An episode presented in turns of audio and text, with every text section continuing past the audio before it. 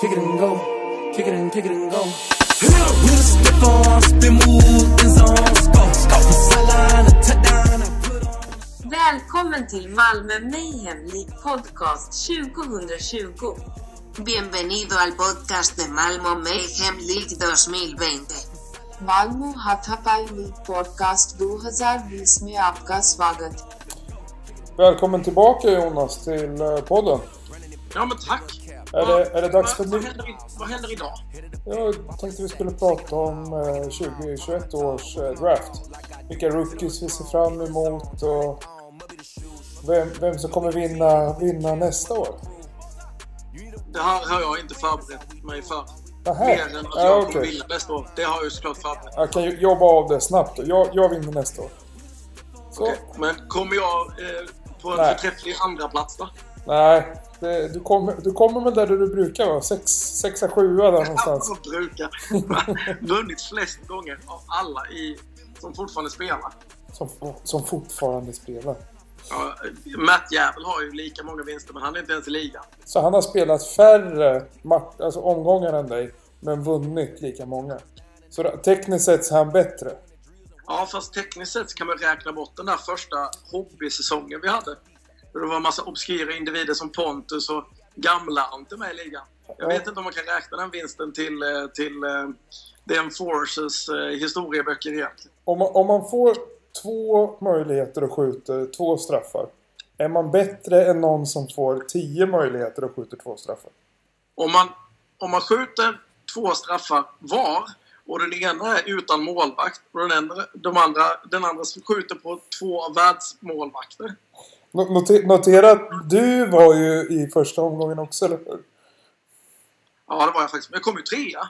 Men, Jag men, tror att vi tittar på en maratontabell. Så Ja. ligger jag ju bra mycket högre än dig i alla fall. Det kan jag ju komma överens om. ja, fast jag tror jag är nog fortfarande den som åtminstone hade longest streak för att vara med i slutspelet. Jag tror jag missat, jag, jag tror jag missat ett slutspel. Ja, men jag gick för fem år i rad till slutspel. Vad är det vi ska prata om idag egentligen, Björn? Jo, ja, vi ska prata om lite olika saker, men jag tänkte vi skulle ha en liten recap på eh, draften. Ja. eh, och kolla lite vad, eh, vad folk gjorde bra och vart folk gjorde bort sig. Och sen så tänkte jag att vi också skulle prata lite om eh, våra drömnior så att säga. Våran, våran, hur, hur vi skulle vilja formera våra lag. Liksom. ja. Om, Eh, vad, vi, vad vi tyckte var höjdpunkterna helt enkelt. mm, om man ser i dåtid istället för framtid, du vet. Ja. Och sen så blev det årets försvarare också. Mm, det tänkte jag också. Det, det är ju en höjdpunkt. Som Ja, många har längtat den är efter. jävligt knepig har vi ju kommit fram till. Ja, ja, det Nej, är när vi har suttit och diskuterat innan. ja.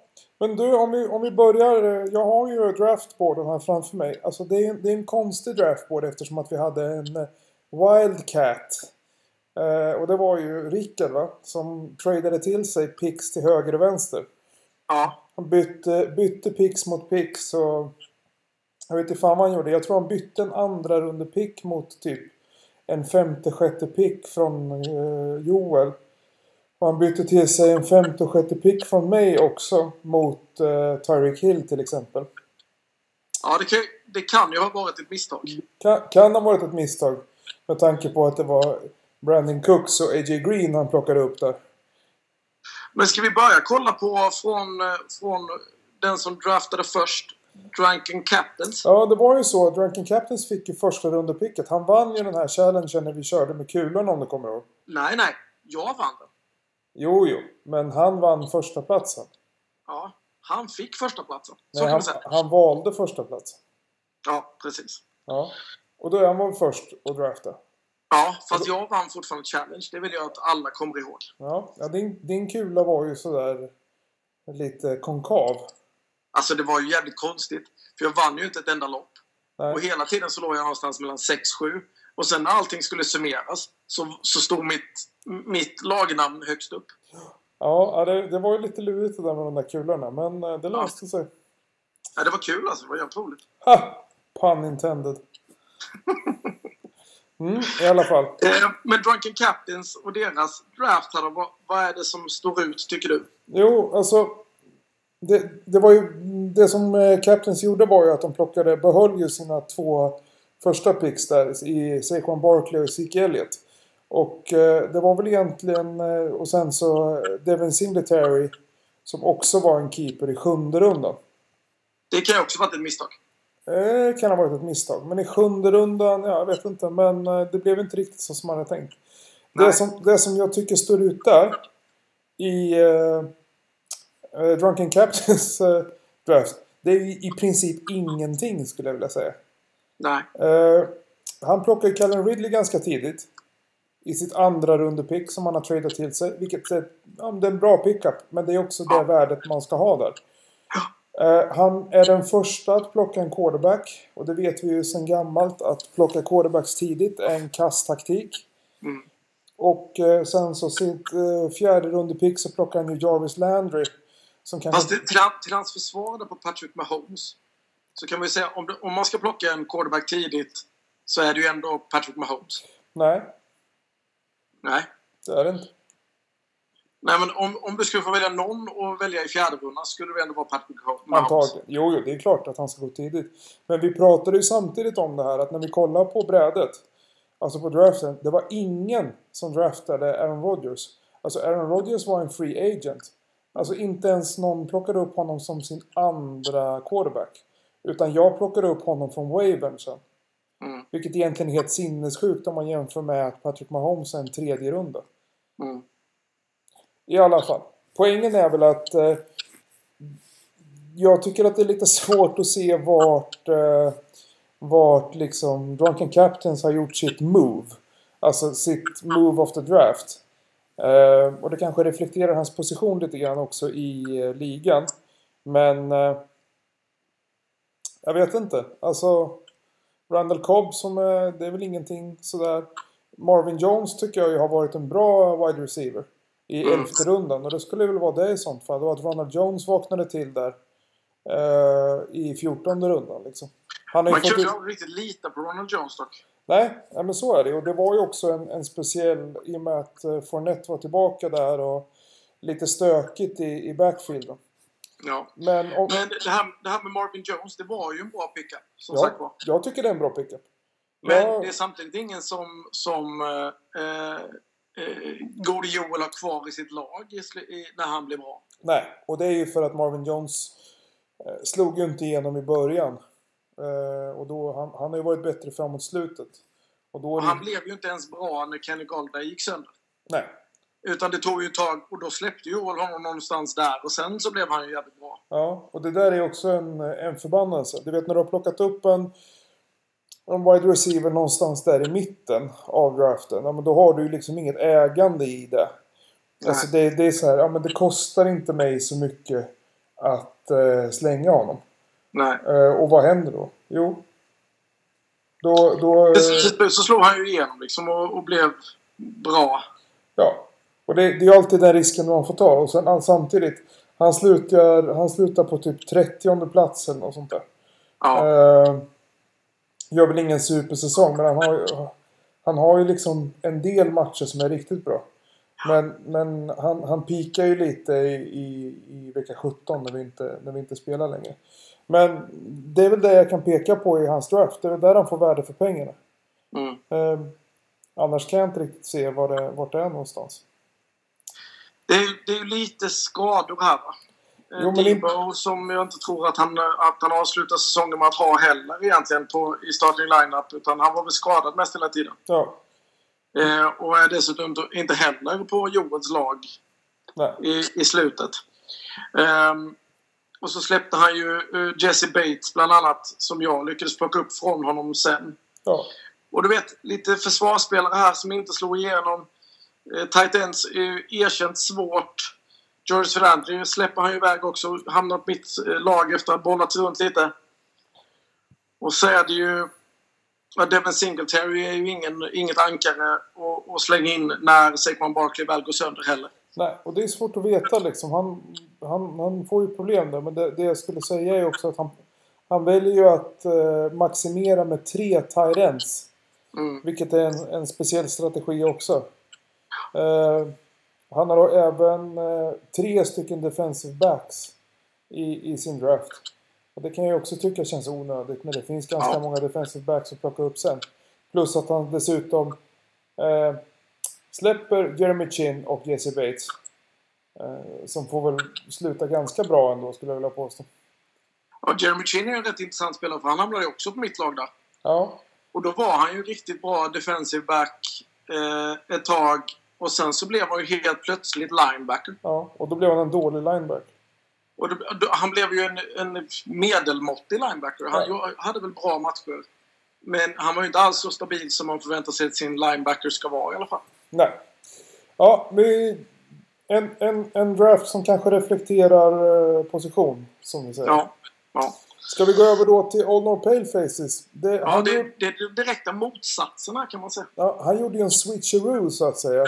Han, han, när han insåg att eh, Drunken Captains var etta och att han var tvåa då så gjorde han ju som så att han droppade sitt första rundepick Dalvin Cook. För att Mm. plocka upp honom igen. Mm. Och kunde på så sätt behålla Alvin Kamara, eh, Terry McLaurin och av någon anledning Lamar Jackson. Eh, Faktum är att efter Challenge så var ju jag på andra pick. och du? Jag var på andra pick. Och All Not Pay Faces betalade mig 15 skins för att få hoppa upp över mig. Ja just det, ni gjorde en sån där regelvidrig trade. Ja, jag vet inte. Visa reglerna som säger att inte det är tillåtet. Jaha. Har du läst regelboken, Björn? Ja, faktiskt. Det står faktiskt ingenting om det Ja, där överhuvudtaget. Så, så att det som det inte står någonting om, det, är- det är okej alltså? Uppenbarligen. Okej. Han betalar ju mig 15 för att jag inte ska ta Dalvin Cook. Mm. Och det kan jag gå med på. Ja, du tog ju Joe Mixon istället. Ja, jag tog Joe Mixon istället. Och det, visst, men jag tjänar också 15 skins som jag kunde plocka upp. Jag har minst två svindåliga spelare på, på waven sen. Mm. Ja, ja, i alla fall. Vi stannar kvar på Old Not Pale Faces. Hans första riktiga pick då är ju Keenan Allen. Helt okej pick. Robert Woods, tredje rundan. Michael Gallup i fjärde rundan känns ju lite mer eh, suspekt. Ja, det är lite overpay, men man hade ju förväntat sig lite mer av Gallup trots allt. Eh, Men det- gick ju inte hem i slutändan och Gallup slutade väl på, på Garys lag i, i, i, i, någonstans från mitten av säsongen ändå. Ja. Och så plockar han ju även upp då J.K. Dobbin i, i sjätte rundan. Och där någonstans så har du ju, har du ju Pale Faces lag. För, att- för att sen är det ju inte så kul. Tycker inte jag. Nej. Alltså han plockar upp LaVisca Chenault Jr, Carrion Johnson, A.J. Dillon och massa skit där i mitten. Eh, Sammy Watkins bland annat också. Ja, Sammy Watkins. Det första, första runden, eller första veckans turgrabb liksom. Och sen är det Terry McLaurin också som man har som keeper i den absolut sista rundan. Den ser ju smaskig ut trots allt. Såklart. Men det är det laget han, han eh, går hem på också. Det är, de, det är hans första runda. Alltså de pixen i början som funkar bra liksom. Mm. Eh, och Kamara och Cook ska man inte underskatta. Eh, och det är Michael Det, är ju inte, det är ju inte dåligt drag att plocka upp Fred Warner så sent som i, i elfte rundan heller. Nej, såklart inte. Men, men han plockade upp Jerome Baker i 14 rundan som också var väldigt bra. Minka Fitzpatrick var inte heller så jävla dålig i 17 rundan. Eh, Så att det, fi- det finns ju sådär. Men man kan inte säga. Jag tycker Michael Gallup ska han ha lite skit för ändå. Ja. Det gick bra ändå, ser du. Ja, en kille som det inte gick så bra för. eh, Påvelsgårds Bitchers. Ja, eh, mitt första val där var ju... Jag, jag vägde ju mellan Josh Jacobs, Clyde Edwards-Helaire och Joe Mixon. Ja, Och någonstans så känns det som att det hade kunnat vara... eh, Det är skitsamma liksom. Hade jag valt Clyde Edwards-Helaire så hade jag ju eventuellt eh, gått lite bättre i slutet. Men jag kom ju till playoff i alla fall. Frågan är om jag kunnat gå vidare från, eh, från wildcard-rundan i första, första rundan i playoffen då. och, Eh, om Det vi, är ju tveksamt va? alltså, nu, nu funkar det inte så att man kan välja vilka matcher som det spelar någon roll i. Utan, utan eh, det, det kan ju ha påverkat mera saker att du inte plockade upp Clyde edwards helaire istället för att plocka upp Joe Mixon. Eh, Ja. Så att eh, jag, jag, tror inte, det- jag tror inte det är så du ska resonera. Att, ja, det kanske hade gjort någon skillnad när du var i slutspel. Men eh, Det, det, men det sved ju igenom hela säsongen när man tittade på hur Joe Mixon presterade och så tittar man på Clyde Edwards-Helaire och så kollar man på Josh Jacobs. när de andra presterade så sved det ju lite att jag inte hade dem. Ja, men men Joe Mixon hade ju ändå ett par matcher där han var matchvinnande för mig. Så det, man får inte glömma det innan han gick sönder. Nej, precis. Ja, men, nej, men det är väl klart att det är så. Men Joe Mixon är inte superbra på att göra touchdowns. Men han får ju vara med och spela i alla fall. Ja, det får det. Eh, och Cooper Cup fick du ju mycket glädje av också där i andra rundan. Ja, det var helt okej. Alltså, Men det, du har- blir lite, det blir lite konstigt när det keepers och sånt med här. Men Cooper Cup var ju antagligen bland det bästa jag kunde plocka i, i det sammanhanget. Mm. Någon, någon som du inte kanske var det bästa du kunde plocka. Det var väl... Du, du hade ju en eh, wide receiver trio där 14, 15, 16 rundan. Med Preston Williams, DeShaun Jackson och Brian Edwards. Som kanske inte rosade marknaden. Nej, det kan man inte påstå. Eh, Preston Williams gick ju sönder. DeShaun Jackson gick ju också sönder. Och Brian Edwards behövde inte gå sönder. Han fick bara inte spela. Nej. Eh, och det är också intressant att du plockade upp Gio Bernard i 23 rundan och sen typ släppte honom. Och sen fick plocka upp honom igen. Eh, dessutom släppte honom. Plockade upp honom från waven. Släppte honom och sen plockade upp honom från waven. Du vet, du är en sån teaser. Ja, det kan man säga. Ja, eh, jag skulle säga att Antonio Gibson på fjärde rundan är en bra pickup. Ja, det blir ju lite knepigt här att tänka med, med keepers inför nästa år.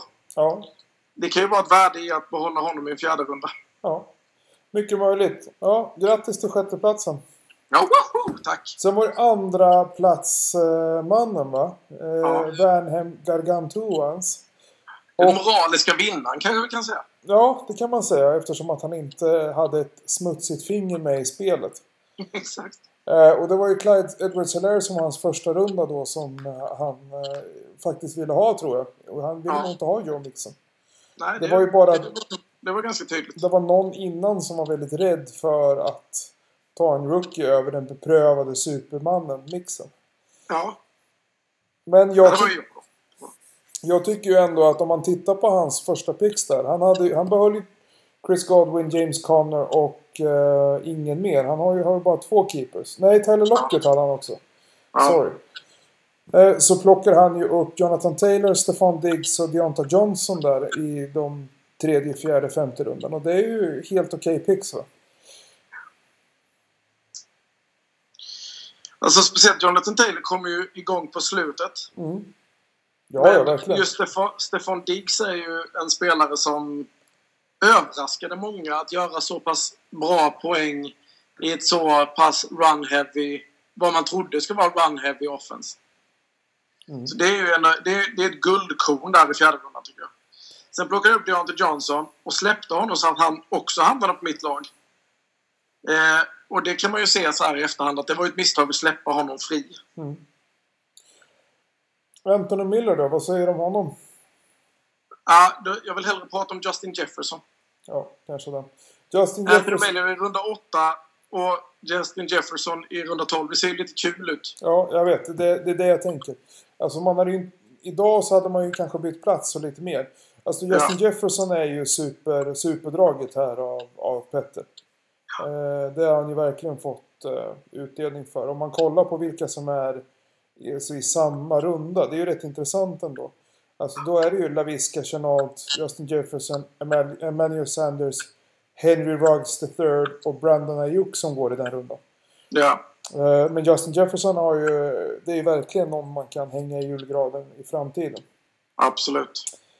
Eh, Sen, sen, sen får vi också ge Petter eh, hans 18 och 19 runda på försvar där. Mm, Han plockade upp Patrick Queen och, och JPP. mm, Som, eh, Patrick Queen var ju lite, lite upp och ner och lite skadad vad jag minns. ja, Men han hamnar ju ändå på, på ett gott värde för den här picken. Och JPP blir ju faktiskt bästa defense, defensive li- lineman också. det är lite intressant det där för att Petter plockade ju upp en defensive back, defensive lineman och en eh, linebacker i runda 9, 10, 11. Och sen hade han ju en paus och fyllde på med offensiva krafter igen. Bland annat sin quarterback då, Josh Allen, som får vara ett bra pick för runda 13 också tycker jag. Ja. Eh, Medan folk fortsatte att eh, plocka på sig eh, defensiv. Så ja. eh, in, inte ett dåligt drag kan jag tycka. Och sen, sen det här Malcolm Jenkins glömde jag nämna i, i, precis innan han plockade Patrick Queen. Lägger sig på en, eh, vad blir det, en eh, sjätte plats i, bland DBs dessutom. Ja, äh, bra, det, detta har ju varit vägvinnande, absolut. bra draftat av uh, Gargantons. Ja. Eh, misstänker att det kommer vara Clyde, Jonathan Taylor och eh, Justin Jefferson som behålls till nästa år. Alltså Stefan Diggs. Ja, det är också svårt. Vem, vem, om vi säger bara så här, rakt av då. Av de fyra, vem hade du valt att släppa? Säg det mer. Clyde edwards helaire Jonathan Taylor, Stefan Diggs och Justin Jefferson. Hmm.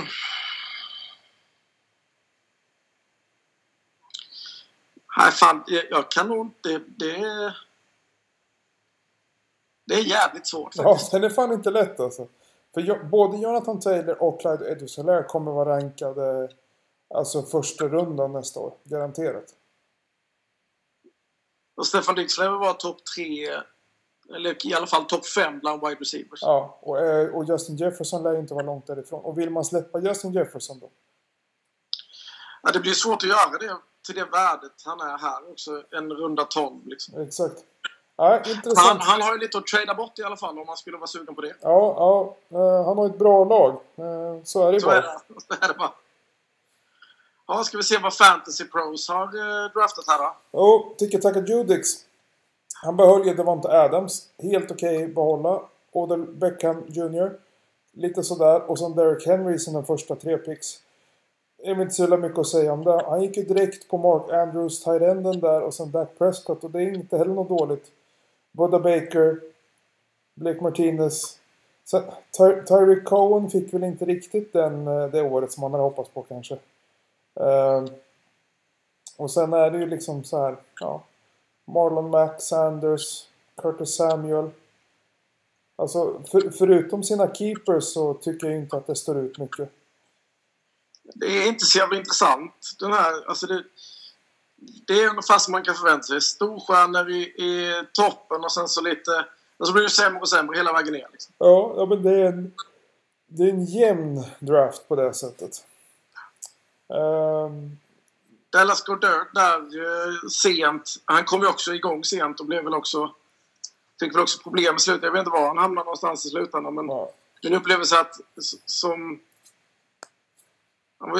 Nej, vi behöver inte prata om honom. Skit i det. Jag, tyck, det här är det in, jag tycker ingenting står ut här. Alltså, jag vet att, att Tiki Taka älskar Buda Baker för att han har gjort det bra för honom innan. Han plockar upp honom. Eh, Det kan, det kan ju vara den enda picken som han gör själv. ja, möjligt. Där Fantasy Pros inte säger till honom att han ska göra det. Terry Cohen blev ingenting. Nej, jag vet inte.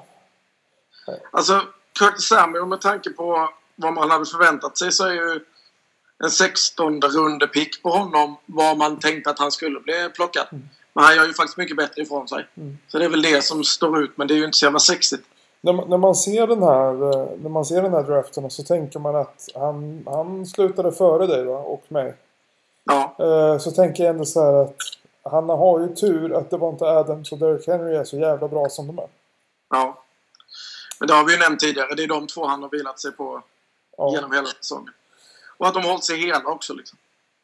Sen kommer en jätteintressant när vi går till Polk High. För jag tycker inte vi ska stanna mer på Tika Taka Judix. Eh, Nej, för det, det är ju alltså skit. Det, det är skit. Alltså Christian McCaffrey, man kan ju inte säga att han är skit, men han är ju trasig va?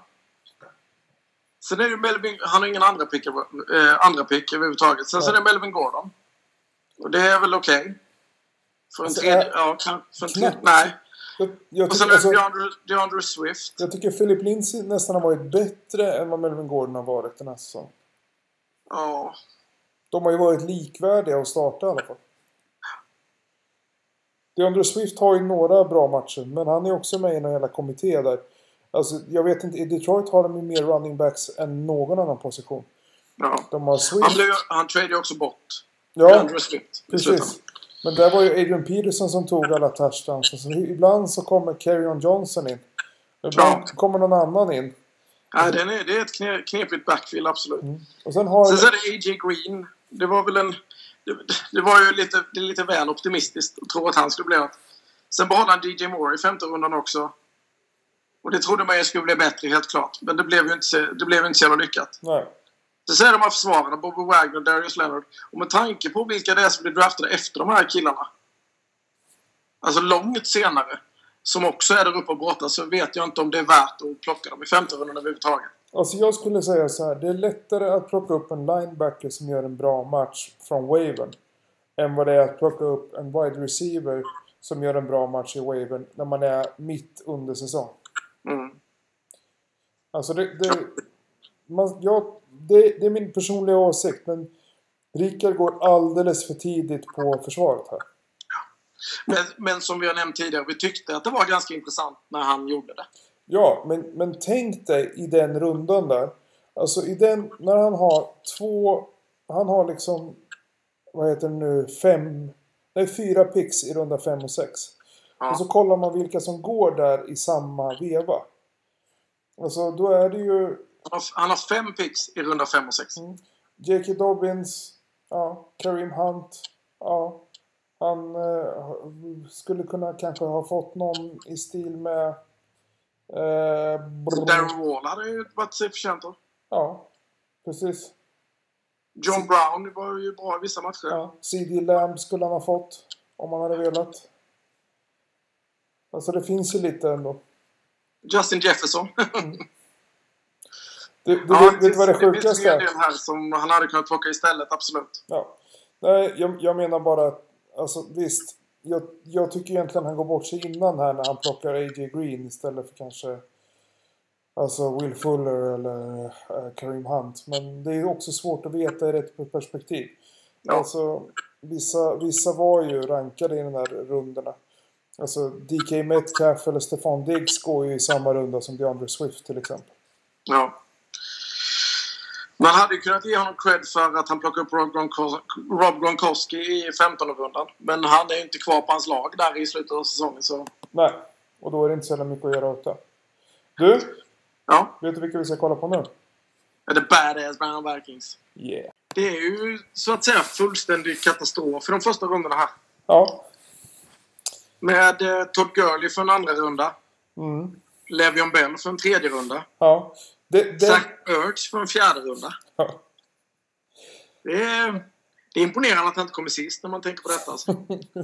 Alltså, han, Josh Jacobs är en okej pick, men alltså att, att plocka Le'Veon Bell som är liksom andra fiolen i i eh, Kansas City efter... Det, för det visste vi ju inte då i och för sig.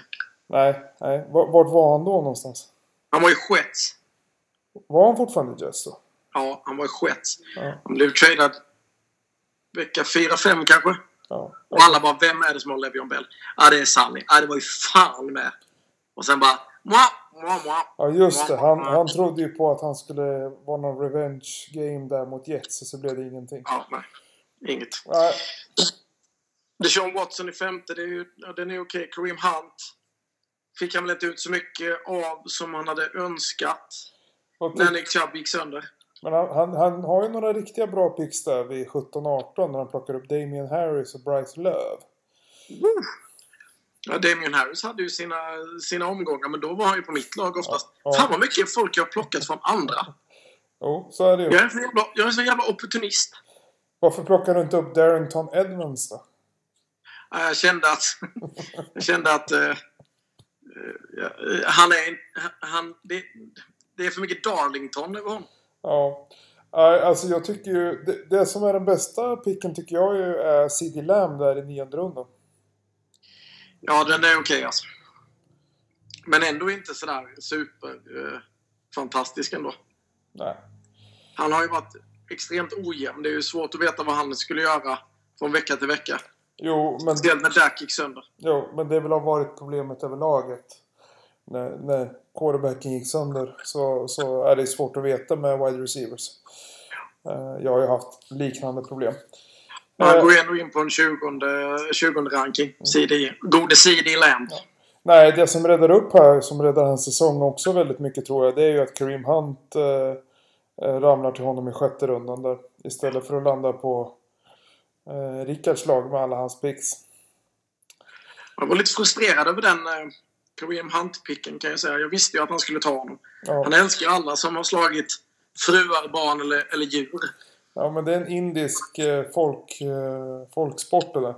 Ja. Så att, Men det är inte gammal indisk folktro också. ja, nej men det, det, det tillhör. Så att eh, då tycker man att det är mysigt att ha dem på sitt lag så man kan liksom känna gemenskap. Men du, Mm. något som är intressant är hur det gick för Cameron Dantzler. Ja, honom har man ju funderat på. För eh, det sa ju Indian Times att här har vi en kille, Cameron Dantzler, på ett av de sämsta försvaren i, i ligan. Ja, var, var, tror, då va. var tror han eh, slutade någonstans? Han slutade på rank 119. Fy fan, det var ju iskallt ändå. Alltså, Men du, vänta nu här, vänta nu här, vänta nu här. Vecka 6, 19 poäng. Mm. Eh, vecka 13, 16 poäng. Mm. Sen är det rätt många nollor och treor och sådär. Men om han hade spelat dem bara de veckorna, då hade det varit ett bra värde på den här killen va? Ja. Nej, Sandy har ju sådana eh, väldigt djupgående analyspicks eh, varje år i slutet. Ja, det, det är lustigt. för som gör alla väldigt förvånade. För det, jag, jag vill ändå stoltera lite med att jag kan merparten av de relevanta spelarna vid namn. Mm. Eh, och, och ofta så är det så här i draften att, att Sandy helt plötsligt bara slår till med en Cameron Dantzler eller något annat. Men, men en spelare som jag aldrig någonsin har talat om, som, som omöjligtvis kan vara relevant, för då hade jag hört hans namn. Ehm, Det är så han har gör, den gode han, han har ju tur att han har A.J. Brown i alla fall som Ja. keeper i 23 runda. Det är, den är ju stark liksom. Ja. DJ Men Shark. annars är det inte så jävla hett alltså. Nej, vi får se. Det är en spe speciell säsong för The Badass Brown Viking. Men han, han, eh, hans dansade ju några gånger och sen så gick det åt helvete sen. Mm. Men du, eh, det kan man ju också se i hans draft så här i retroperspektiv. Delusional Demons då, de slutade väl ändå trea. Ja, Och det är ju svårt att tro när hans första pick egentligen då efter hans keeper Michael Thomas som egentligen inte heller hade det så kul. eh, är Leonard Fournette. ja. Den är ju riktigt urusel. ja, alltså där hade man ju trott på mer alltså. ja. Och sen är det ju så att hans, hans tredje rundepick David Montgomery är också en failure ganska länge. Men eh, kommer igång på slutet va? Kommer definitivt igång på slutet. Frankensteins monster. Lite så. Det var ju också när, när det blev Golgata i försvaren. Ja. Som vi diskuterat tidigare. Många gånger tidigare. DK Metcalf då på fjärde eh, rundan. Ja, det är ju nästan tvärtom mot David Montgomery. För DK Metcalf gjorde ju inga supermatcher när Russell Wilson bes- bestämde sig för att slå på takten som han alltid gör. Mm. Nej, eh, han var ju jävligt relevant i början DK. Ja. Eh, och gick ut på Twitter och sa jag heter inte DJ, jag heter DK. Eh, för att folk... menar han att det var någon som hade missuppfattat det. Ja, det finns så många andra DJs så folk råkade väl säga DJ om honom. Ja, men förlåt då för Ja, helvete. så var han arg. Kylie Murray. Eh, ja, helt okej. Alltså, det, det han går hem på här är stabila mittpicks. Ja, herregud. Alltså, säga vad man vill om, om Kenyan Drake, men i en sjätte runda så är det ju en okej keeper ändå. Ja, ja. Och Joe Schobert, Roquan Smith, guld där i runda 7-8. George Kittle som keeper i nionde. Eh, det, det är liksom där, eh, där tredjeplatsen hämtas hem, känner jag. Ja, ja, men absolut. Det är klart att det är så. Eh, och sen har han ju, han har ju, vad heter det nu, Nick Bosa gick ju sönder va? Ja, Uh, Jerick McKinnon gjorde väl ingen glad. nej. Men han, han lyckades ju fixa lite sen också. Michael Pittman hade väl någon match som var okej, men inte så mycket mer än så. Men, men eh, det är ju mitten där någonstans med försvaret att lyckas plocka upp uh, Roquan och Joe Schobert. Eh, och sen ha, vad heter det, Montgomery som kommer igång på slutet. Ja, Michael Thomas. Men det, det var, han, han hade väl några förluster i början vad jag minns. ja. Innan det satte sig liksom. Och att ha Mike, alltså det här med att drafta två tight ends är jag ju allergisk mot. Ja, Men i det här sammanhanget är George Kittle gick sönder och han fick eh, börja spela eh, Gesicki istället. Ja, Det är skitbra. också ganska vägvinnande. Ja. Vet du, vet du vem som hade två Tyrants också? Vem? New Justice Team. Jared Cook och Blake Jarvin. Ja, det... Blake Jarvin hade man ju trott mer på. Jerry Cook har varit stundom okej. Men här kan man ju också se att det... Ja, det, är, det är katastrof, va? Alltså, New Justice Team behåller ju Julio Jones och Chris Carson. Det är mycket, skadedrabbade. mycket skadeproblem där.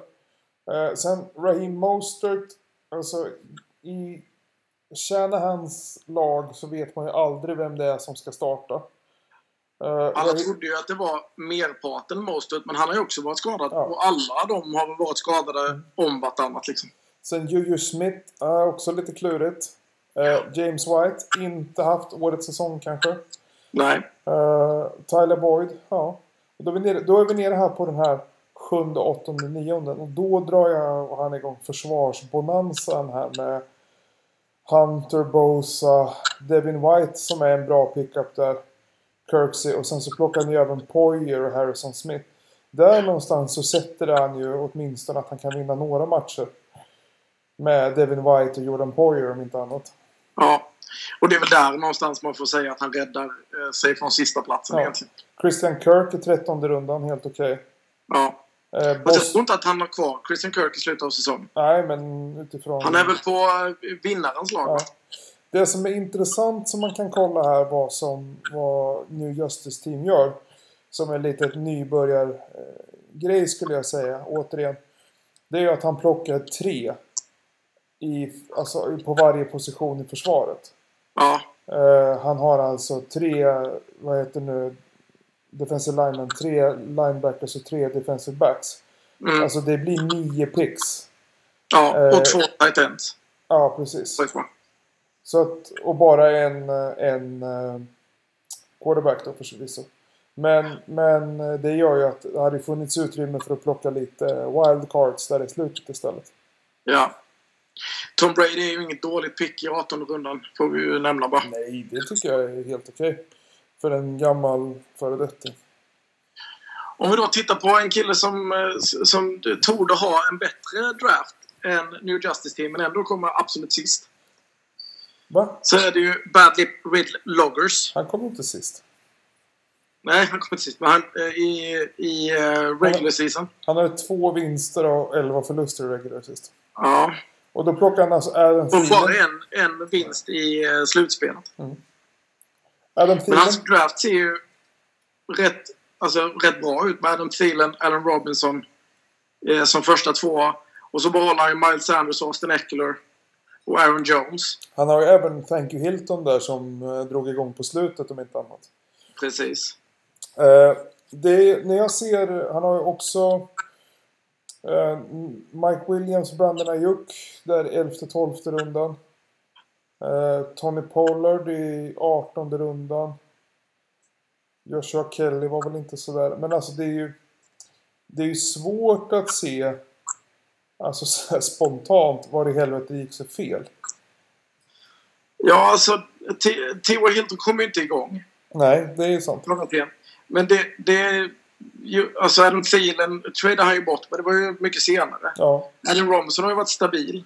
ja, Det är väl Miles Sanders eh, skadefrånvaro, Austin Eckles skadefrån- skadefrånvaro och Aaron Jones sviktande form och skadefrån- skadefrånvaro som har varit ett stort problem. Sen har jag ju kämpat, kämpat så hårt med sina quarterbacks. Mm. Men sen, sen är det också så att han, han är den enda som plockar en wide receiver i första rundan som inte är en keeper. Ja, Eh, och då är det ju Adam Thielen. Och eh, Adam Thielen kom ju inte igång i början riktigt. nej. Och han tradade också honom till Rickardsen. Ja, men även om man tittar liksom på i hindsight på allting här.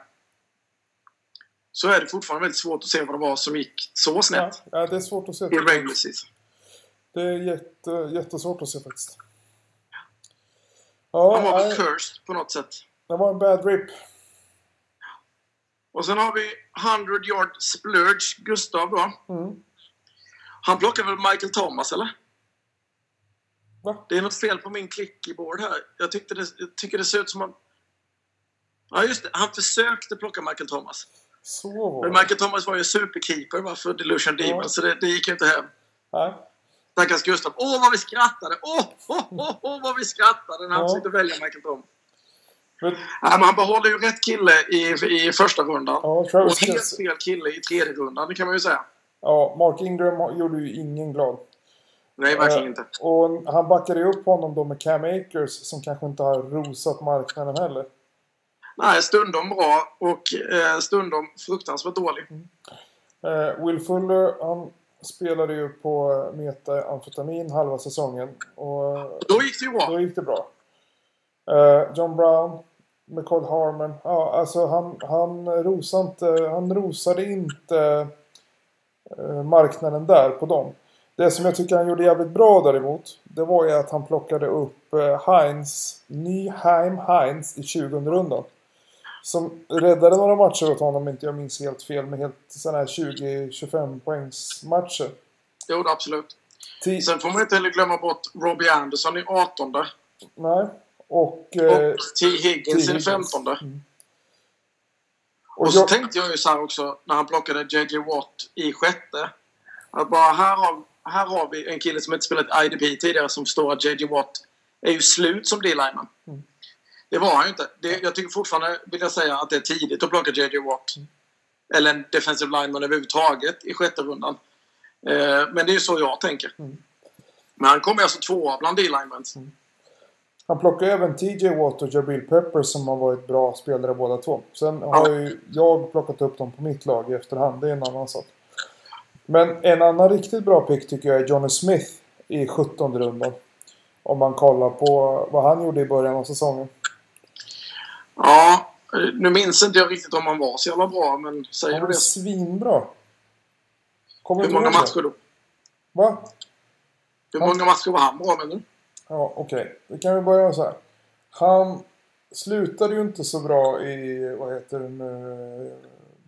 Ska vi se här då. Att han hade första matchen okej, andra matchen guld, femte matchen guld och så helt okej nionde. Alltså för att vara tight end så är det okej liksom. Ja, han gör, han gör ju ändå liksom så här. Han har ju fjärde veckan bye, men han gör ju ändå liksom eh, 18, 18, 22 poäng och så vidare. Sen så blev det ju sämre sen, men initialt när, när eh, Gustav hade ett bra lag då, då, då var han ju bra. Det, vi, vi, det var okej får vi säga. Mm. Det är ju jävligt sent i alla fall att plocka upp honom. Ja, nej men absolut. Det är det jag menar. Men det var ju mer en backup till Travis Kelce. Men han spelade ju dubbla ends där någon gång. Som är Ja. förbjudet. Egentligen. Men, nej. Din tyck- draft då? Va?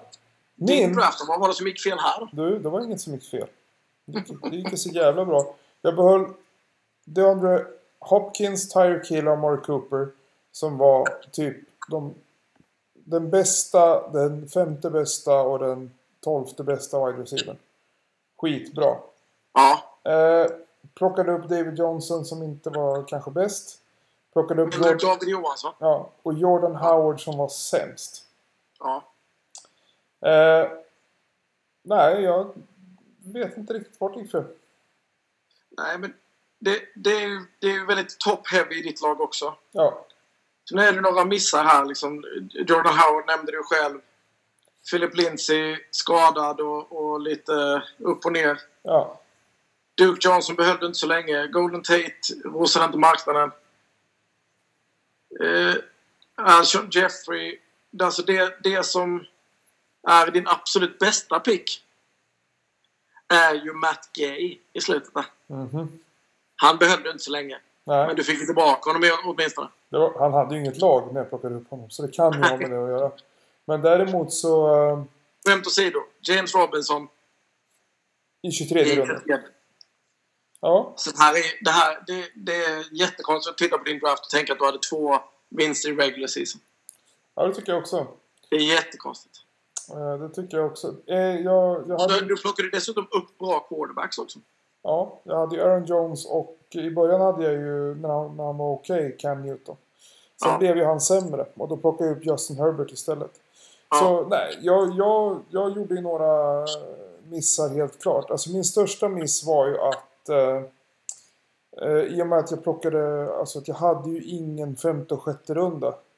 Nej. Så fick jag ju ingen möjlighet att plocka upp en eh, running back där. Och då blev det ju Jordan Howard som ändå var första fiolen i Miami. Men eh, det var han ju inte många matcher.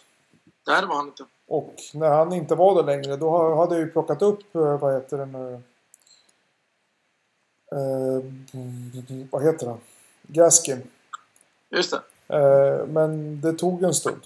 Och då var det ju andra saker som inte funkade. Så att, nej, det är en dålig säsong av mig. Men eh, jag är ju stark på slutet va? Ja, du har nämnt det några gånger. Mm. Jo, men man måste leva. Vi, det var ju egentligen bara... Du kom sexa och jag kom sjua. Så i princip så var det ju lika. Så, ja. Sen om man tittar på hur många matcher vi vann respektive, det, det är lite skillnad i sig. Ja, vet du vad som är skillnad på också? Ja, bra. Försvarare och försvarare. Det är det verkligen. Men vem är årets försvarare? Ja, men om man, ska, ska vi ta det D-lineman, linebacker och D eh, defensive back? Tycker jag. För då tycker jag ju på min kammare att bästa defensive lineman utifrån... Och då, då har vi diskuterat hur vi ska göra detta för det är det som är så jävla knepigt. Man hade kunnat ta de som blev bäst bara men då har vi försökt göra... Och det blir oftast de som är bäst i alla fall. Men de med högst eller lägst draftvärde men ändå presterat väldigt högt. Mm. Och då blir det ju som defensive lineman tycker jag ju att årets försvarare går till JPP. Alltså Jason Pierre-Paul. Ja, Eight finger man. ja, varför det? Nej, men han draftas ju väldigt sent eh, och blir också bästa defensive lineman. Ja, Vi ska se här. Det var väl 18 rundan kom vi fram till. ja, Eh, 19 rundan till och med som han draftas av eh, gode Petter. Och gör ju en, en praktsäsong för Tampa Bay. Han Brian Burns då? Brian Burns. Ja.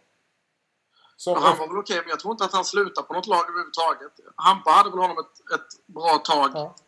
För han, han eh, över 16 matcher så var ju han eh, tvåa. Vilken omgång dra- draftades han då? Han draftades inte. Nej, det är ju rätt stabilt faktiskt. Mm.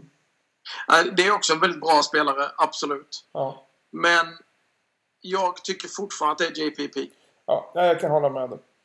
Eh, JPP, alltså utifrån fingrarna så, så är han ju helt okej. Klubbmannen. Mm. Han spelar med en hand och en klubba. Mm. Det är imponerande. Alltså förstår du hur mycket pengar han gick miste om när han eh, liksom gjorde en, en sån eh, Happy Gilmore-grej? Och sen liksom blir det bara ändå... Du, liksom- du menar fick sina händ, sin hand uppäten av en krokodil? Ja. Och så bytte ut den mot en sån där trästump. det är så jävla bra. Att den blir överkörd Ja. också. Det är fan den roligaste scenen Och då, och då, i hela den filmen. då tejpar han ihop den. Med de minigolfbanan. ja, skit, den- den måste jag fan titta på igen. Eh, linebacker. Ja. Vi har ju diskuterat det tidigare. Alltså jag...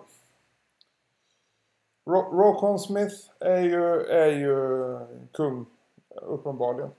Ja, Eh, här är det ju liksom ganska väntat. Alltså Rokon Smith, Devon White, Zach Cunningham är i topp tre. Men de blir ju också draftade som topp tre.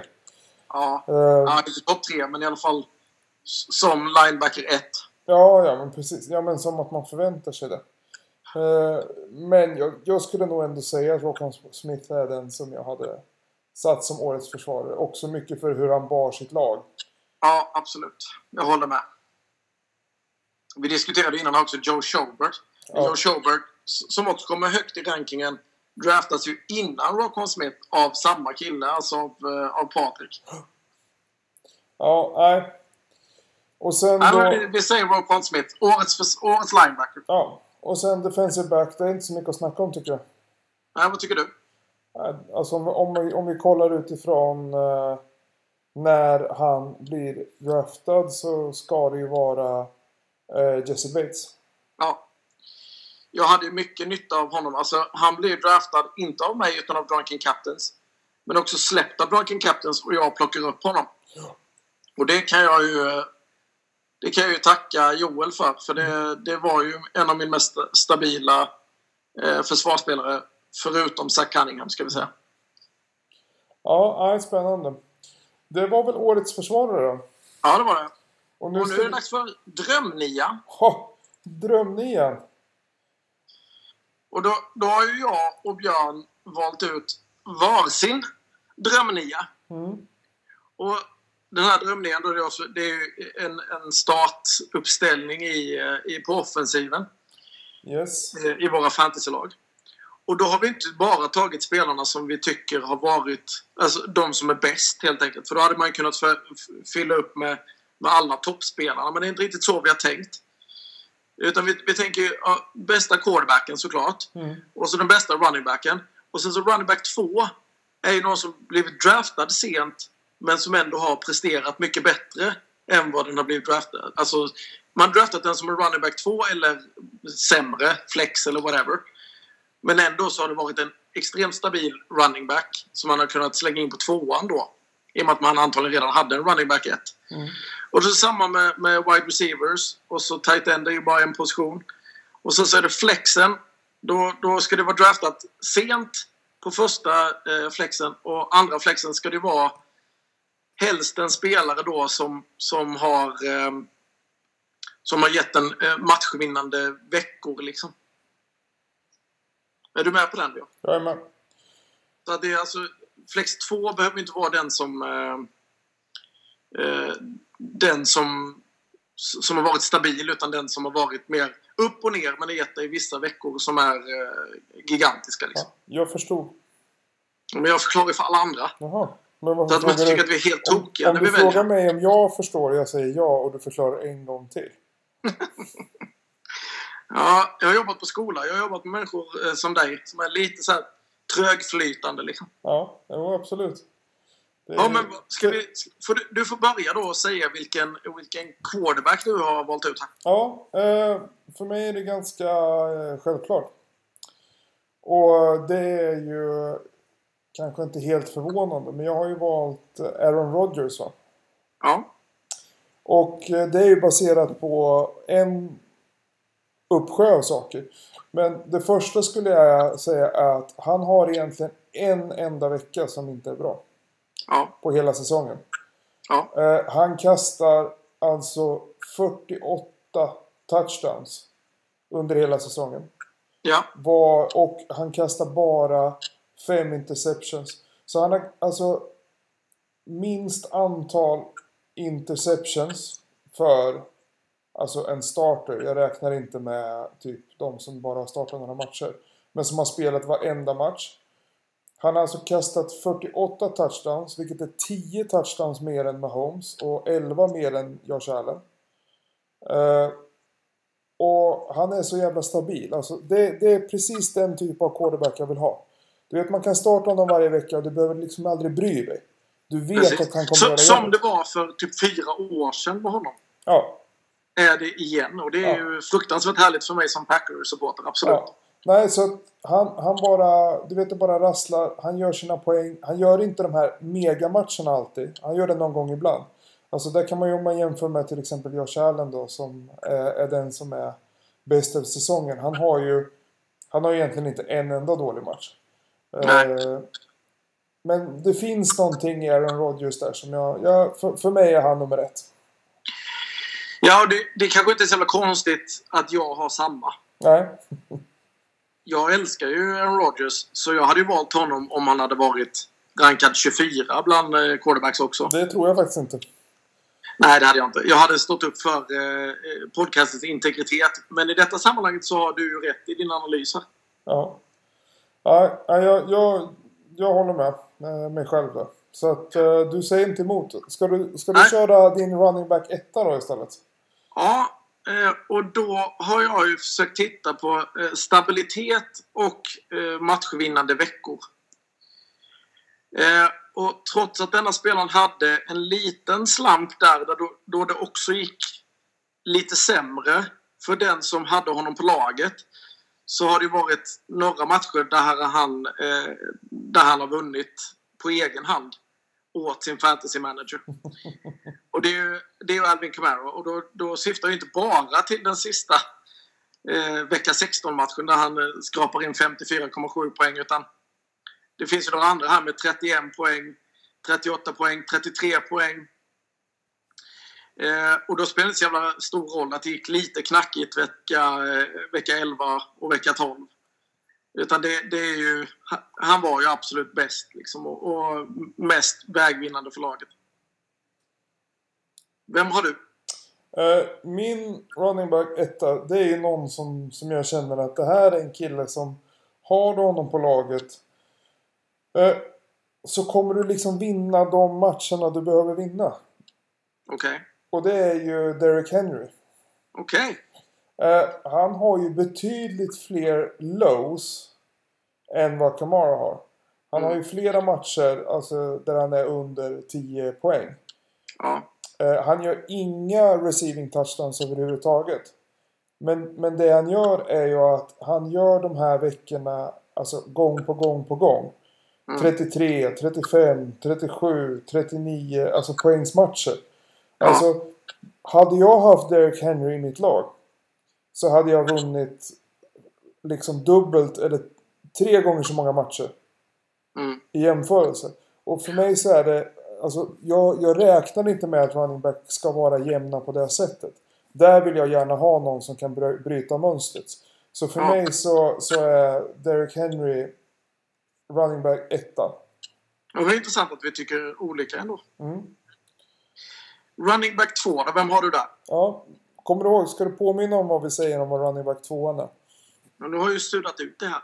Nej, men det är ju den running backen som man draftade mycket, mycket senare. Mm. Och som har levt upp till, till väldigt höga förväntningar, eller inte levt upp till några förväntningar, utan som har blivit en running back 1-2 eh, utan att ha några förväntningar ställda på sig överhuvudtaget. Ja. Det är inte så jävla svårt för mig att säga va? Det är ju James Robinson. Ja, det jag håller med. Där har vi samma på, på running back 2. Alltså han är ju draftad av dig i sista rundan. Alltså inte som en sista runda keeper utan som draftad i sista rundan. Vilket är eh, starkt av dig såklart.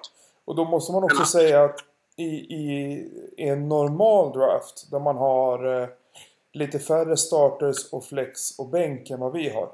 Så är det en ganska god chans att han inte är upplockad överhuvudtaget.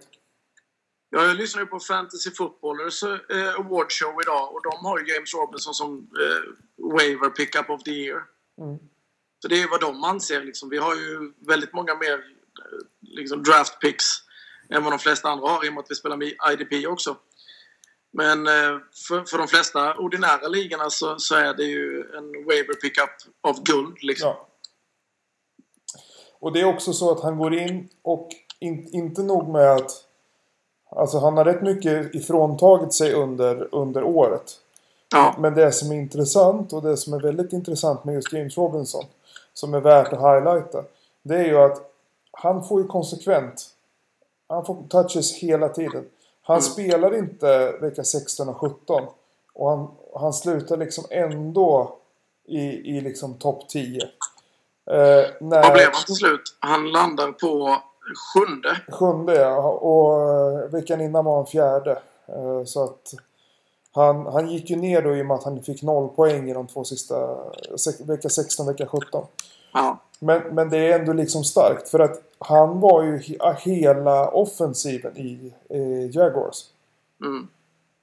De, de bara liksom sprang honom om och om och om, om igen. Liksom. Eh, Det, är, det är så man vill ha det. Exakt. Och att ha en given running back etta i ett lag som förvisso förlorar hela tiden men som bara fortsätter att grinda. Alltså, det, då, då måste man vara running back två i min värld. Och så, så här, running back 2 är, handlar också lite om stabilitet. Liksom. Ja. Och James Robinson har ju eh, en, ja, ja, vad ska jag säga, två matcher under 10 poäng. Ja. Den första matchen är ju 9,5 så den, den räknas väl kanske inte riktigt. Men han har en match där det den har 7,5 poäng. Mm. Eh, mot Houston, konstigt nog. Men i övrigt så är det ju allt över 10 och det är precis vad man vill ha av sin running back 2. Ja. Absolut. Jag håller med. Wide receiver 1, ska jag, ska jag säga den då? Ja. Det är ju, det är ju Tyreek Hill. Ja. Varför då? Det, jag tycker inte det, den är så konstig heller. Alltså jag hade ju gärna valt Devante Adams men som sagt var det här med integriteten av podcasten så gör ju att jag väljer ju Tyreek Hill före Devante Adams. Eh, trots, trots att jag älskar eh, Devante Adams. Va? Ja. Men det, det är ju väldigt få blippar här. Alltså det finns ju vissa frågetecken på matcher om man kan anse det vara värdigt en wide receiver 1. Men det, det, det är minst av dem som man har att välja på. ja. Eh, jag har ju inte varit Hill. Nähä? Jag har ju valt eh, Adams. va? Okej. Och det har jag gjort dels för att han slutar med mest poäng av alla wide receivers. Ja, det stämmer. Han har två matcher i vecka 3 vecka 4 när han inte spelar alls. Mm. Han har noll poäng alltså. Ja. Och en bye. Och en bye där ja. Men alla har en bye Rick. Eh, men det, det som är speciellt med Devonta Adams det är ju att han är så sinnessjukt konsekvent. Alltså det är tre matcher av de han har spelat som han inte har tagit en touchdown. Ja. Alltså för mig är det återigen det är precis samma sak som jag sa med, med running back ettan. Mm. Ja, Eller med, med, vad heter det nu, med eh, Aaron Rodgers. Alltså Mm. han, han är så bara så konsekvent bra. Visst, han har någon match när det inte, när det inte blir de här poängen. och Det är ju de matcherna han inte får en touchdown. Men Mm. annars är är han ju bara en maskin. Ja. Ja, det, det, här kan vi diskutera hur länge som helst. Om det är Tyreek Hill, eller jag tror inte vi kan diskutera det hur länge som helst egentligen. Jag, jag accepterar Devante Adams som wide receiver 1 också såklart. Men, I och med att han faktiskt är i rankingen wide receiver 1 och gör ju en fantastisk, jag vet inte om jag ska kalla det för avslutning för det är ju typ från mitten av säsongen. Så är han ett jävla monster. men det som är intressant med Devonta Adams tycker jag är att han är så sinnessjukt osexig. Nej, Jo. är han är supersexy. Är Ja. det bara för att han inte är med i några skandaler och sådär? Nej, men- Hans namn inte glimrar till och sådär. Han är Nej. inte med i några polisrapporter, ingen DUI och sånt. Nej men du vet, han är liksom så här konsekvent bäst hela tiden. Känns Ja. det som. Men han är liksom ändå inte liksom så rubrikernas man. Man, liksom, man bara räknar med, för att i Packers är det ju inte han som är superstjärnan. Alltså, han har ju inte den här uh, Odell Beckham eller Megatron-auran. Alltså, han, han är ju liksom en, en grunt mycket mer känns det som. Men vet du varför jag tror att det är så? Nej. Han var ju inte... Han blev ju inte draftad till att vara en superstjärna heller. utan Han blev ju en superstjärna. Ja, Eh, är. jag, ska, jag ska googla fram här lite snabbt. Var han blev plockad. Han blev plockad i andra rundan eh, 2014. Det är i och för sig rätt bra. Jo, jo, det är bra, men det är inte så här typ... Ja, men om vi tittar på, på årets draft till exempel. Jerry Judy, CeeDee Lamb. Det var så jävla mycket snack om de här, om de här grabbarna. Och att de blev plockade så, så tidigt eh, i, i eh, första rundan. Mm. Det var inte Adams, ja, men en andra runda visst, det är ju, det är högt och bra sådär, men det, det är inte att man anses vara nästa, nästa Megatron liksom. Mm. Vet du en sak? Vadå? Det kan också vara för att han inte var så bra 2019. Ja, så kan det vara. För då var han väl inte ens topp 20? Nej, då var han, ju, han hade ju skadeproblem då också väl. Och det har han ju haft från och till i sin karriär tyvärr. Då var ju Michael Gallup och bättre än honom och han var strax före Jameson Crowder i Jets liksom. Eh, Så att nej, förra året var inte hans år va? Eh, och då, det blir ju ofta så när man liksom har varit med några år och man inte har varit bäst. Mm. Alltså det var nog inte många som satte att det var inte Adams som, som var den som skulle vara bäst i år. nej. Vem är din wide receiver 2 då utifrån samma parameter... Par, vad heter det? Per, parametrar heter det. Ja. Som running back 2. Alltså sent draftad, stabil eh, wide receiver 2. Någon man kunde lita på. Ja, eh, då har jag tagit Justin Jefferson. Okej. Eh, och varför har jag gjort det då frågar du? Ja, det undrar jag. Ja. För att eh, han är just det. Alltså han är ganska sent draftad. Han slutar väl, vad kan det vara, sexa eller någonting? Nej, topp 1, 2, 3, 4, 5, 6, ja 7. Mm. Eh, och han, jag tycker ändå att han är ganska, han har några sådana här plumpar i protokollet. Men Mm. över, över ligan så, så tycker jag ändå att man har fått ut väldigt mycket för honom. Från att han blev eh, plockad i tolfte rundan. Om man kollar på vilka som är runt honom där. Absolut. Eh, Jag har ju inte samma. Nej. Men det är rätt Eh, intressant. Men, du, eh, nu kanske du tycker att jag har fuskat lite då? ja, det, vadå fuskat och fuskat? Men kan jag olika Nej, men jag, jag har ju satt eh, Stefan Diggs som bästa wide receiver 2. Ja, okej. För han är ju på gränsen att bli draftad som wide receiver 1. Men ändå draftad som en wide receiver 2 i mitt tycke. I fjärde rundan. Ja, ja, ja, visst. Så det finns, ju, det finns ju en möjlighet i alla fall att någon har draftat en bra eh, wide receiver 1 och sen plockat upp honom för att spela andra fiolen i sitt fantasylag i alla fall. Jo, Och jag tror att i fantasy-communityn generellt inför säsongen så sågs väl han eh, som en, en wide receiver 2. Jag kan tänka mig att han hade en ADP, alltså en average draft position, någonstans runt femte, sjätte rundan. Eh, och sen blir det lite, lite skewed med våra, eh, med våra keepers som gör att han landar i en fjärde runda hos oss. Mm. Men jag tycker att han är ju, han är ju en sån kille som man inte trodde skulle vara wide receiver rätt om man gick in i, i, i säsongen med Stefan Diggs som, som wide receiver rätt så kanske man var lite nervös över det. Mm. Eh, så han är ju den som jag anser har varit bäst i wide receiver 2-epitetet. Liksom. Ja, kollar man på våran draft när Stefan Diggs eh, blev tagen så var det i princip eh, alla lag utom två lag som hade, hade liksom redan valt en eller två eh, wide receivers. Ja. Det, det var ju då Rickard som valde sin första wide receiver i omgång 5. Han hade i och för sig det var inte Parker som keeper. Och sen Mm. var det ju eh, Sunny som valde sin första wide receiver i omgång 9. Mm. Han hade också då tre stycken wide receivers som keepers. Så att eh, absolut, det, jag, jag köper det. Vem hade du... Det här blir inte så jävla kul. Vem hade du som bästa tight end då? Eh, Travis Kelce. Ja, bra. Då kan vi gå vidare. Ja. Eh, det finns ingen... Det finns ingen... Nej. Alltså, Darren Wall har varit jävligt bra. Mark Andrews var väl också okej ibland. Ja men det går, inte, det går inte att diskutera. Alltså det är inte... Nej, men det finns inget det annat. finns inget annat. Och, det, och då, om man, även om man räknar in eh, att han, eh, att han ehm, eh, blev alltså som keeper i första rundan. Om man tittar lite på var han hade legat som wide receiver till exempel. Han hade 260,26 poäng. Mm. Och då hade han räknats som fjärde bästa wide receiver. Ja.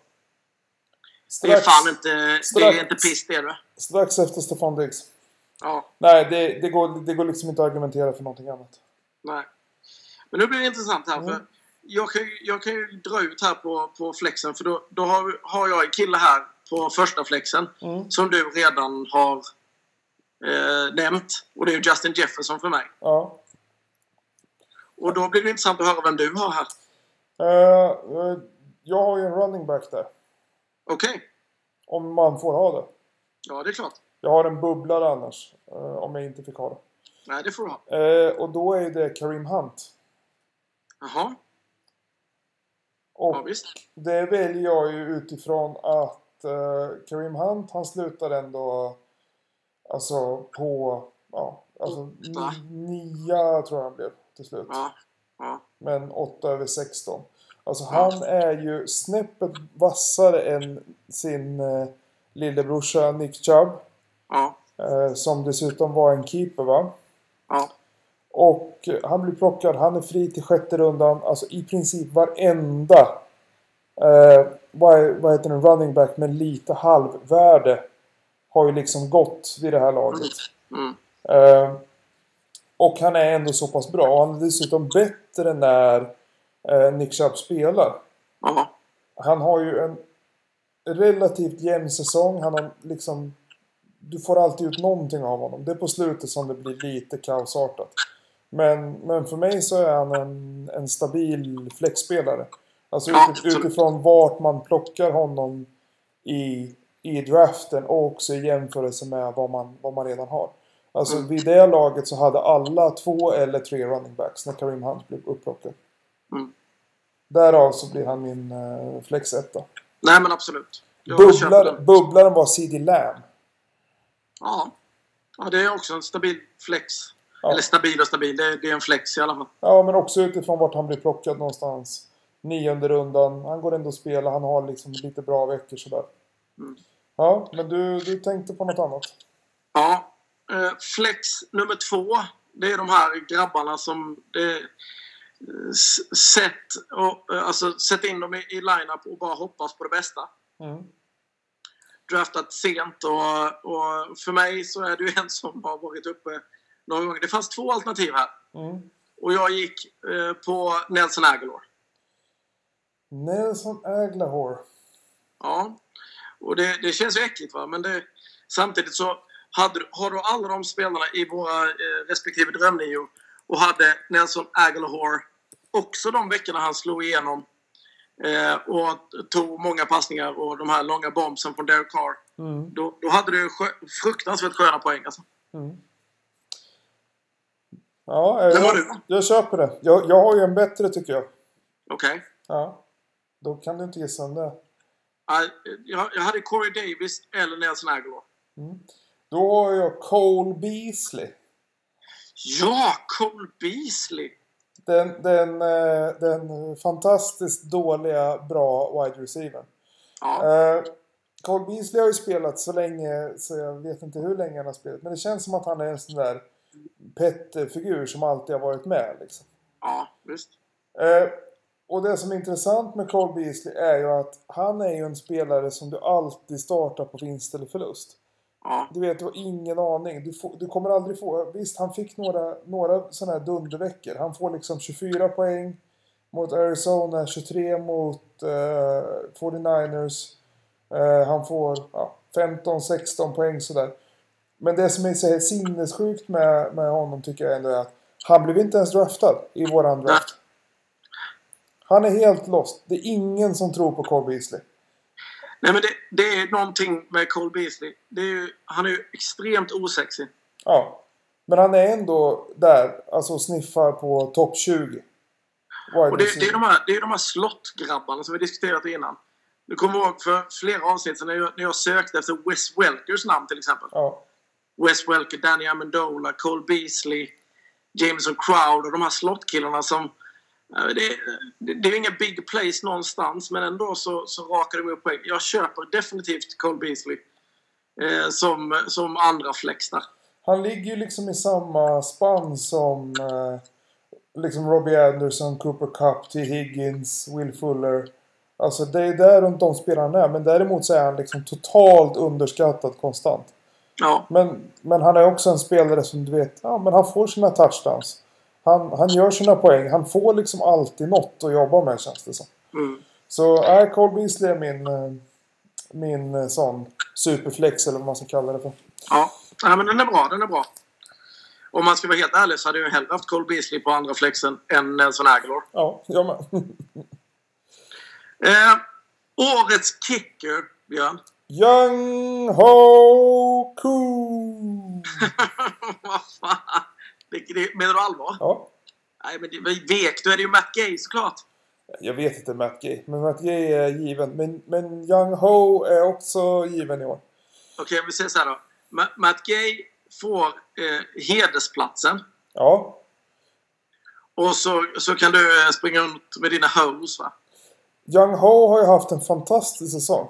Ja, det har han haft. Och han är också den, den kicker som jag tror har varit på flest lag under den här säsongen i våran liga. Alltså konstant släppt och liksom upplockad.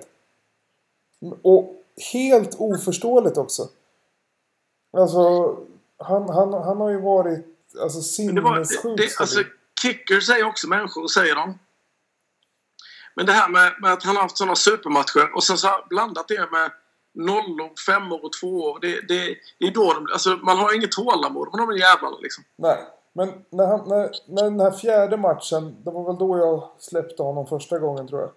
Det var, Ja. då, då var han ju skadad. Han gick ju ut med liksom ben, benbrott. Och sen kommer han ju tillbaka och så gör han ju de här jävla supermatcherna fram och tillbaka. Och sen är han väl inte så bra på slutet men Han har ju två matcher 20-21 poäng där. Alltså får du ut det. Det är ju helt sinnessjukt. Jag hatar kickers alltså. Hatar också kickers. Ja. Men, jag har en annan. Mm. Eh, för mig är det Jason Sanders. Ja, eftersom att han har mest poäng. eller? Han har ju mest poäng, men han har också... Han, till skillnad från Young Ho Koo så har han haft toppmatcherna och stabiliteten. Ja, han har väl bara två poäng vecka 15, fyra poäng vecka 8, fyra poäng vecka 1. Men ser du Sex. från vecka 9... Vadå från veckan?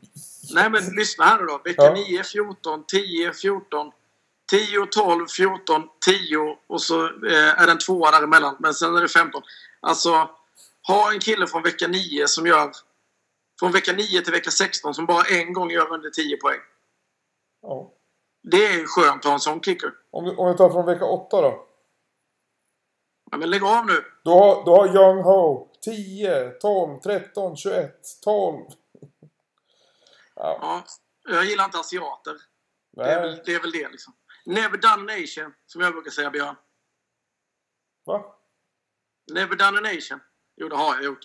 Kommer vi tillbaks till dina Proud Boys eh, skills här. Min ariska penis. Nej, jag, jag tycker ändå Jason Sanders. Ja. Det, det. Eh, för, för, mest för att jag varit avundsjuk på, på, eh, på Patrik, att han har suttit på Jason Sanders hela tiden. När jag har krånglat runt med Rodrigo Blankenship och Matt Damon, höll jag på att säga, med Matt Prater. Vilken, vilken kicker var det som blev draftad högst upp? Justin Tucker. Är det så? Ja. Han, han... Och det blir han ju nästan varje år och det, det kanske inte blir så nästa år. Det tror jag inte. En som också jag tror eh, folk kommer inte ha så mycket tålamod med är väl han Gostkowski kanske. Ja, alltså.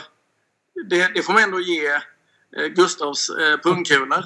Att han vågar starta honom vecka ut och vecka in där i slutet. Vilket jävla kaos det var. Alltså, ja, och, och speciellt med tanke på hur liksom så här, vecka 13 3, sen 9, 9, 2. Alltså du vet, han har ju en vecka där som är 12 poäng i vecka 11. Men sen är det ju liksom surt från vecka 5 till, till liksom slutet. Men han är väl en av de... Fick han inte minus någon match? Mm, nej, jag tror han räddade upp det med, med en uh, field En lång. Ja, jag tror det. Men han hade väl en ma- massa jävla missar. Ja, alltså det var ju någon match han missade typ fyra av fem eller något sånt där. Ja, men det var väl, det var väl första matchen när han missade... Han missade ju en extra point och så missade han tre stycken eh, 40 yardar. Ja. Men du, Mm. vet du vad som är intressant med Daniel Karlsson? Daniel Karlsson? Daniel Karlsson, Nej. hans pappa är från Örebro. Ja. Han är kicker i, eh, i national fotbollsliga. Ja. Och vi, vi, vi i Sverige har ju en, eh, en tradition av att ha goa kickers i, i, eh, i NFL va? Vi har, också en, en eh, tradition om att ha noll, noll så här sportslig coverage för kickers i NFL i svensk media. Jag har ju faktiskt läst Aftonbladets artikel om Daniel Karlsson. Ja, Svensk ettad NFL-kicker. Han är ju amerikan så in i helvete. Han kan ju inte prata svenska ens. nej. Men han har varit i Sverige många gånger. Mm. Och hans pappa är tydligen jävligt svensk. Ja. Daniel Karlsson. Ja. Han står på bara Karlsson med ett S. ja det, är ju, det är ju den osvenska stavningen. Kan dra åt helvete med det där. Mm. Daniel Karlsson. Ja, nej men du, fan vad länge vi pratar om kickers ändå. Ja, vi hatar kickers. Kan vi inte Jag trodde vi sluta... skulle köra, köra en sån här, nu säger vi det på tre. Ett, två, tre. Matt Gay! Ja, Men då hade du, du, du har svikit Matt Gay alltså. ja. Du, jag svek inte. Jag plockade upp honom. Jag draftade honom och jag slutade med honom. Mm. Ja, det är ändå bra. Det är ungefär som hans säsong såg ut. Du vet, jag är sådär som... Jag är lite så som Göran Persson där när jag håller brandtal om Matt Gay. Kom inte och prata med mig. Jonas Horn. Om den Matt Gay. stora du- fina kickevärlden. Jag har sett Våra den. kära lyssnare har Jag växte upp i den. Och jag hatar den. Alla utom Matt Gay. Så, tack. Har vi dragit ut på den här podcasten tillräckligt länge? Vad är vi uppe på för minutantal? En timme och 20 minuter. Nej, på riktigt? Ja. Ja, vad fan var det frågan om egentligen? Du sa, du sa innan vi började spela in, det här blir ingen en och en halv timme du. Nej. Och så här, nej det lär det inte bli. Nej, vi vi får, fan, vi får nog fan avsluta här alltså. Ja. Eh, våra kära lyssnare har ju bett om att få eh, lite off-season material. Efter det här avsnittet så, så lär det ju inte komma fler förfrågningar. Nej, det är ju sig bara Patrik som har önskat det. Ja. Han lär ju inte ha så mycket annat att leva för verkar det inte som. Om Det det detta är höjdpunkten liksom. ja, då, Men då, eh, jag har ingen aning om vad fan det är vi skulle pratat om i så fall. Jag tänker inte prata om några rookies och sådana grejer för det är nästan bara jag som studerar och kollar på draften ändå. Ja, vi kan väl hålla lite uppdatering. Det är om inte annat. kan vi göra. När det händer grejer. När eh, Gary hoppar av och Matt kommer tillbaka och sådana grejer kan vi, kan vi köra ett extrainsatt inslag här. Exakt. Ja, men det, det, det, tack för den här säsongen. Det har ju gått förträffligt bra trots eh, pandemi och... Och ja... Ja, det är väl bara det som har problemet Ja, det, det, vet du vad det sjuka är? Alltså, utifrån vart vi startade någonstans så har inte en enda match eh, blivit inställd. Nej, det är sjukt. Alltså, och, då, och då är det liksom så här. Jag, jag har ändå startat en wide receiver som var en quarterback. Ja, Alltså, det, har, det har ju varit nere på, på löjlig nivå ibland. ja, Men alla matcher har genomförts. Ja, det, får, det får man faktiskt ge NFL och, och tacka för oss som eh, fantasy managers. Ja. Alltså jag lever ju för den här skiten. Ja. Jag älskar ju den här säsongen. Jag älskar alla säsonger, även om det går dåligt. Fan, vi borde åka och kolla på någon match efter att eh, de har reformerat USA till en eh, monarki. En diktatur. Ja, jag vet inte vad de riktigt är ute efter. Det är såna här vikingainslag nu och grejer. Ja, det är jävligt spännande i alla fall. Ja, Det är gott underhållningsvärde för oss att titta på from afar. ja, Men eh, det hade varit, eh, det hade varit trevligt att göra en, en eh, MML-resa. absolut. Vissa kanske tycker att vi ska åka till San Francisco eller något annat sånt fint ställe. Men känner du någon som har varit i Green Bay någon gång? Nej. Nej. Är det någon som har varit i Indianapolis? Det är ju sexigt. Indianapolis. Coolt Ja, vi får se vad biljetterna kostar så kan vi bestämma det sen. Ja, det tycker jag. Ja, ha det så bra nu då Björn. Vi, vi, eh, eh, vi får se när vi hörs nästa gång. Det får vi absolut se. Ta hand om Jag antar att det är på jobbet imorgon. Ja, jo, jo. Vi ses där om inte annat. Usted sí, Ha det gött. Tack för den här säsongen. Hej, hej. Ciao. Saludos a la gente de Zacatecas, de verdad que nosotros queremos mucho ese estado, la gente de Jerez, Valparaíso, en fin, todo Zacatecas, la gente de Fresnillo. ¿Cómo se llama? Mari.